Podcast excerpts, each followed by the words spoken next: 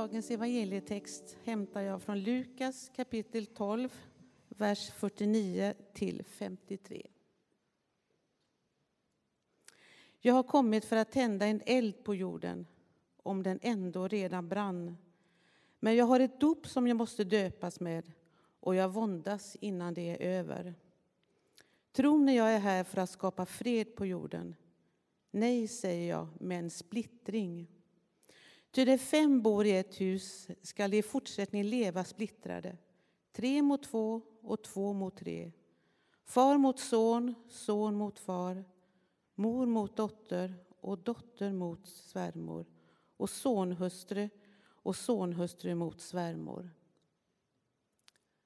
Så lyder det heliga evangeliet. Lovad vare du, Kristus.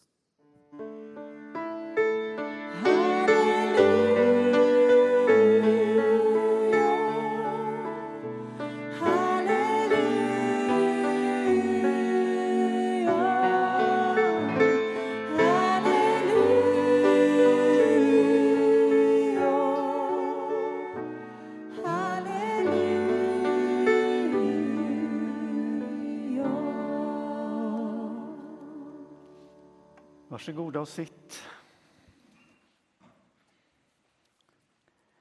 Alltså det är ju inte konstigt om man tycker att den här texten idag, dels så hajar man ju till när man hör den och dels kan man ju tycka att den är lite malplacerad så här mitt i, i julhelgen.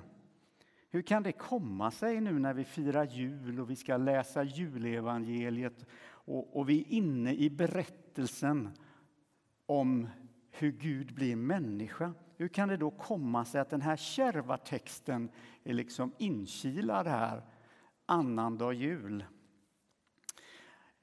Jo, alltså redan innan julen firades den 25 december, alltså innan det hade tagit form och satt sig, så firade man Stefanos dödsdag den 26 december i kyrkan. Och där har den fått bli kvar helt enkelt. Men det finns ju alltid ett litet skav mellan texterna här.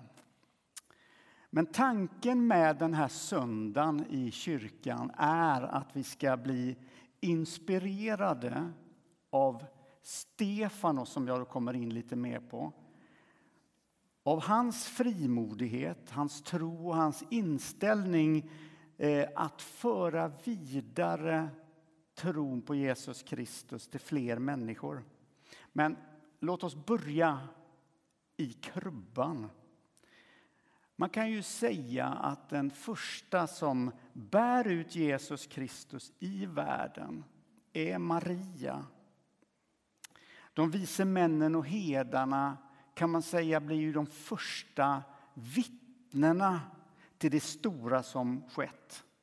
Och tittar vi på ordet martyr så betyder det på grekiska just vittne. Och världen behöver vittnen som kan berätta om det stora som har skett.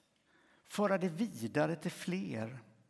Och precis som Maria som svarade ja eh, och bar ut Kristus i världen så får vi alla bära ut Kristus i världen.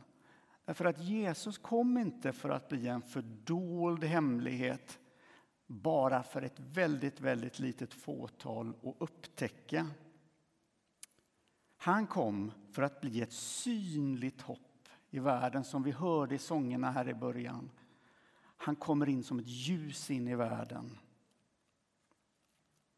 Ibland så kan ju priset bli väldigt högt för den som eh, är kristen, som berättar om, om tron och det som den har fått betyda. Och så var det ju för Stefanos. Och nu vill jag gärna läsa den texten som är föreslagen idag från Apostlagärningarna eh, 7 och 55 till 60. Där står det så här. Men fylld av helig ande riktade han blicken mot himlen och såg Guds härlighet och Jesus som stod på Guds högra sida. Och han sa, jag ser himlen öppen och Människosonen står på Guds högra sida. Då ropade de högt och höll för öronen och alla störtade sig över honom på en gång och släpade ut honom ur staden för att stena honom. Vittnena la sina mantlar framför fötterna på en ung man som hette Saul.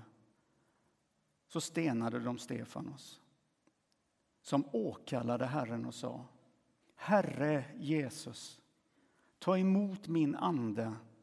Och han föll på knä och ropade högt. Herre, ställ dem inte till svars för denna synd. Med de orden dog han. Också Saul tyckte det var riktigt att han dödades. Det läser vi från Apostlagärningarna. Så, men vem var då Stefanos, kan man ju undra. Vi kan behöva sätta honom i ett litet sammanhang. Han var en av de första diakonerna i den tidiga kyrkan i Jerusalem. Och Det kan du läsa om i Apostlagärningarna 6 om du vill. Och Det är en tid då fler och fler människor kommer till tro på Jesus. Och den första, allra första församlingen växer till väldigt, väldigt fort. Och så har man valt att ha delad ekonomi. En radikal hållning där. Och det blir mycket att organisera och hålla ordning på så här i början. Och det är rörigt, som det ofta är när någonting växer väldigt fort. Och apostlarna, alltså Jesu lärjungar, de var själva med och ordnade med maten och åt alla behövande. Men så kom man till en punkt när man insåg att Nej, men det här går bara inte. Vi kan ju inte hålla på med de här basfunktionerna samtidigt som vi ska ägna oss åt bön och åt ordets tjänst, som det står. Det, det liksom var inte riktigt hållbart till slut. Så vad man gör då är att man utser diakoner eh, för att ta hand om den praktiska omsorgen om de fattiga som fanns där i församlingen och de behövande. Och en av dem som blir utsedda är Stefanos. Och om honom kan man faktiskt läsa lite grann om man liksom vandrar runt i Apostlagärningarna. Där. Man kan läsa att han var, som det står, en man fylld av helig ande.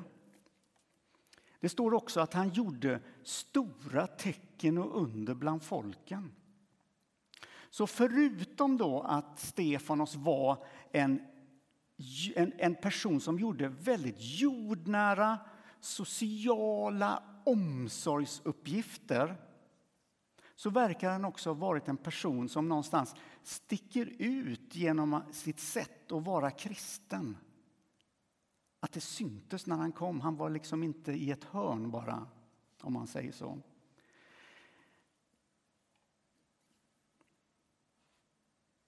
Han ville inte hålla sitt trosliv för sig själv. Och det just den tanken och det tänkandet fick diakonala konsekvenser därför att tro och kärlek hör ihop. Men sen gjorde han ju det här att han lyfte in sin tro i det offentliga rummet och backade inte riktigt tillbaka som kanske du och jag skulle gjort, eller kanske jag. Han stod kvar även när det blev riskabelt. Så förutom då att han beskrivs som någon som gjorde under och tecken mitt bland alla människor så står han upp emot de judiska ledarna på ett sätt som när man läser om Stefanos påminner rätt mycket om Jesus sätt att, att vara i det offentliga. Och I Apostlagärningarna 6 läser vi att de kunde inte hävda sig mot visheten och anden i det han sa. Och Det här gör ju förstås då att ilskan och frustrationen bara växer bland de andliga ledarna. Samma typ av ilska och frustration som de inte så långt tidigare hade känt kring vad Jesus gjorde och sa. Det, är, det provocerar dem någonting fruktansvärt. Så vad gör man? Jo, man letar rätt på några personer som får till uppgift att säga falska saker om honom. Man säger att vi har hört honom häda. Ja, ni fattar vart det här bär hän. Nu börjar det hetta till rejält runt Stefanos och hans säkerhet är ju rejält hotad. Men han står kvar som vittne. I Apostlagärningarna 7 så håller han ett långt tal inför översteprästen och alla andra ledarna. Och det är ett intressant tal i sig och det ska jag inte gå in på här.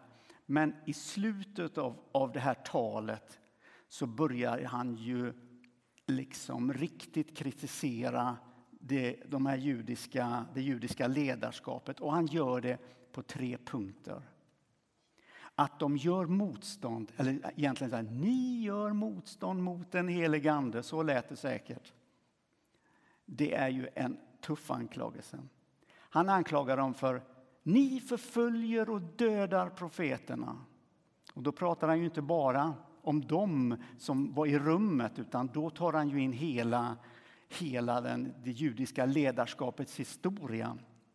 Och det sista, som jag gissar gjorde väldigt ont hos de här judiska ledarna, det är att han säger att ni håller inte lagen.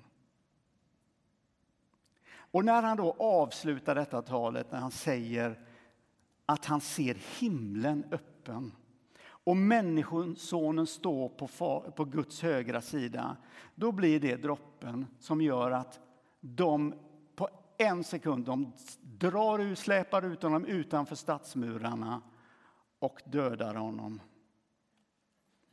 Och tittar man på Stefanos så verkar han ju ändå väldigt samlad, i alla fall när man läser texten. Det är svårt att veta vad en människa känner inuti. Men han verkar väldigt samlad.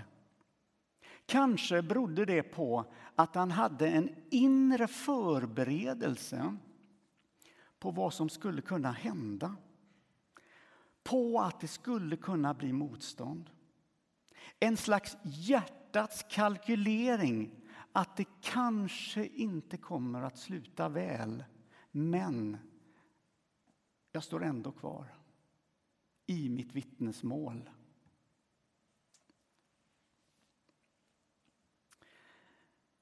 Läser man dagens lite kärva evangelietext, den var ju kärv idag, eh, och så lyssnar man noga på vad Jesus säger så förstår man att det finns någonting i evangeliet som skapar starka spänningar i omgivningen, här i världen.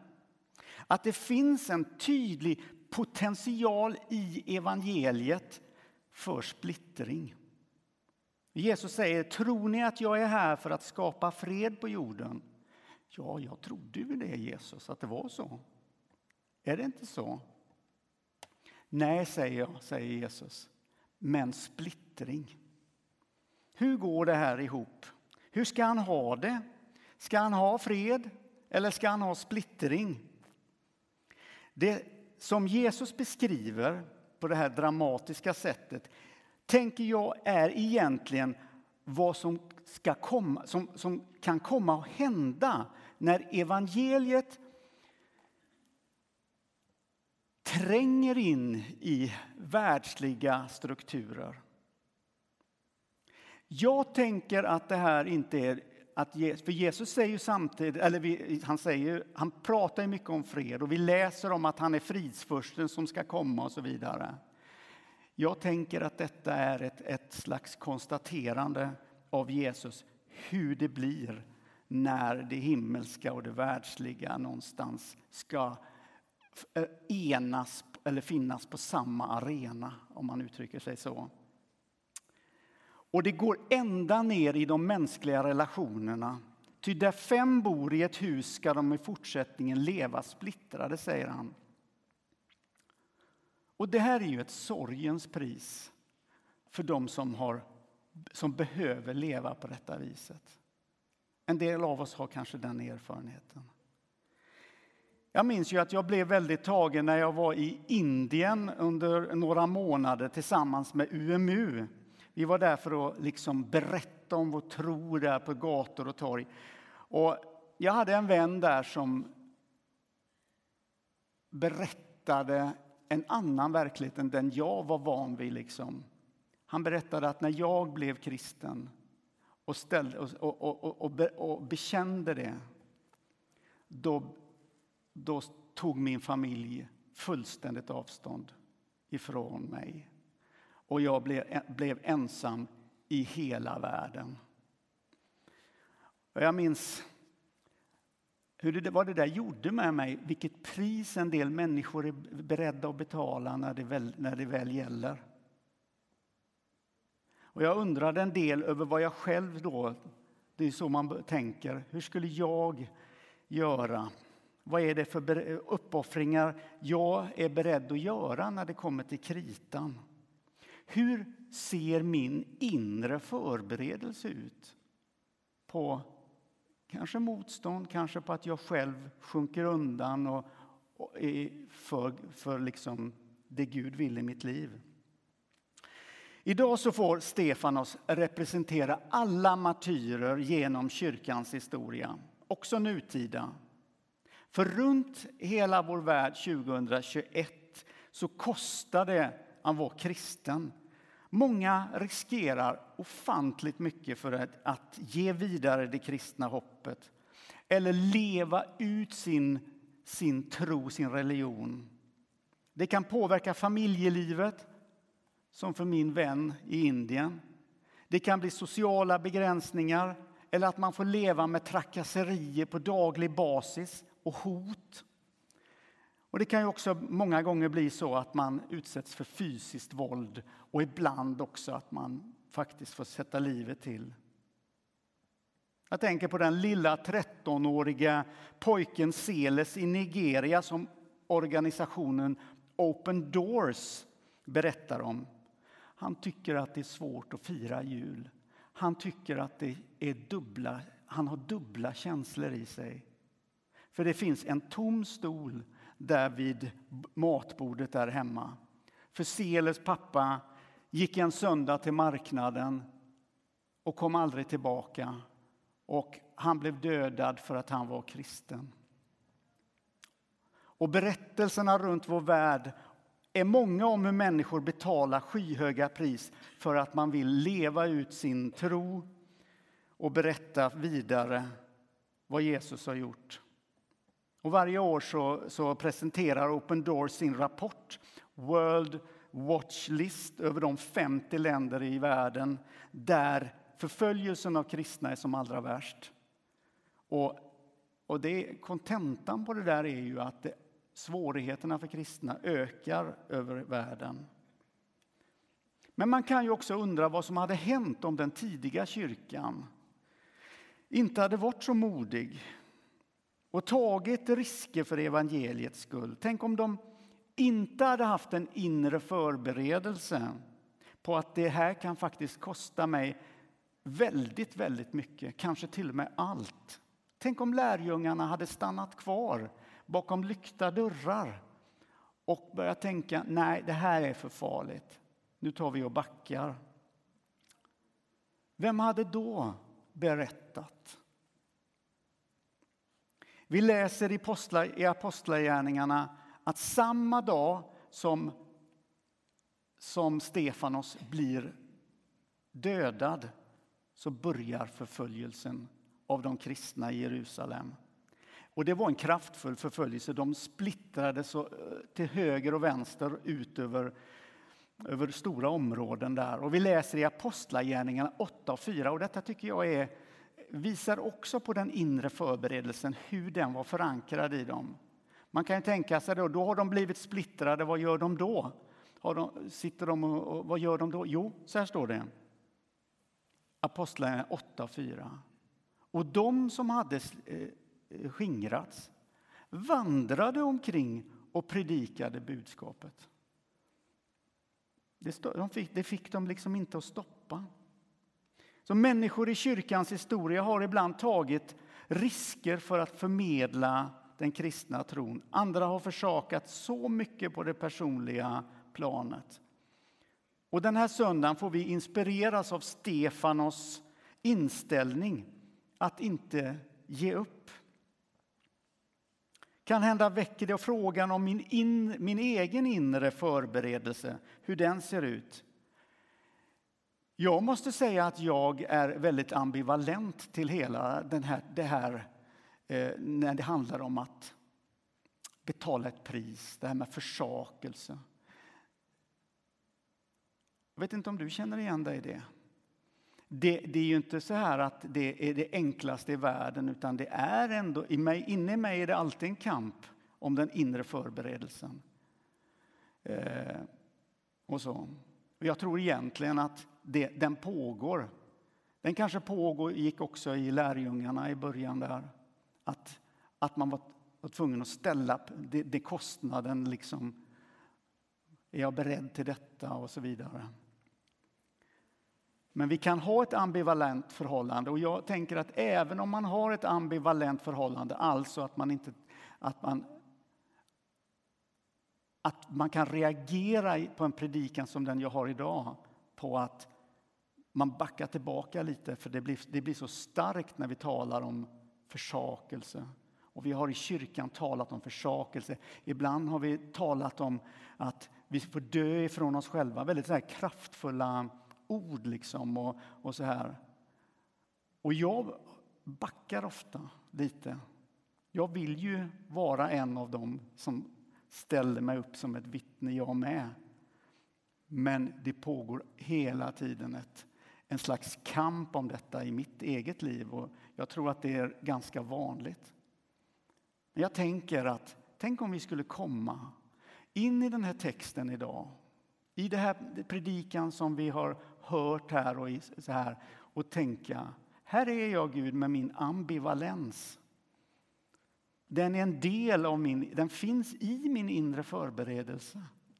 Det, det, det är en del av, av, av, min konstitution, av mig själv på något sätt. Att, vi, att jag har den här. Men här är jag.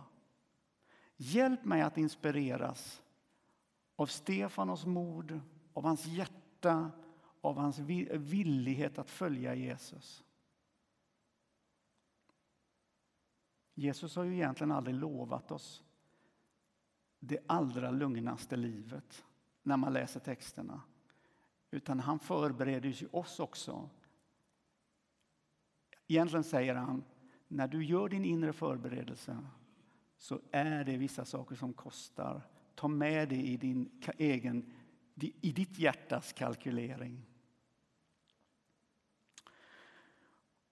Och det är ju stort när det är, när det är så här eh, tredje, vad säger jag, tredje advent, vad säger jag? När, när vi är i den här annandag jul, att eh, Jesus är född till, eh, till den här världen, att han kom den här julnatten för att förvandla världen. Han kom med hoppet och han kom med frälsningen. Och vi som samlad kyrka, vi får över hela världen hjälpa varandra och be om kraft och motivation att vara vittnen om Guds kärlek till den här världen i Jesus Kristus. Må Gud hjälpa oss i vår egen vandring. Amen.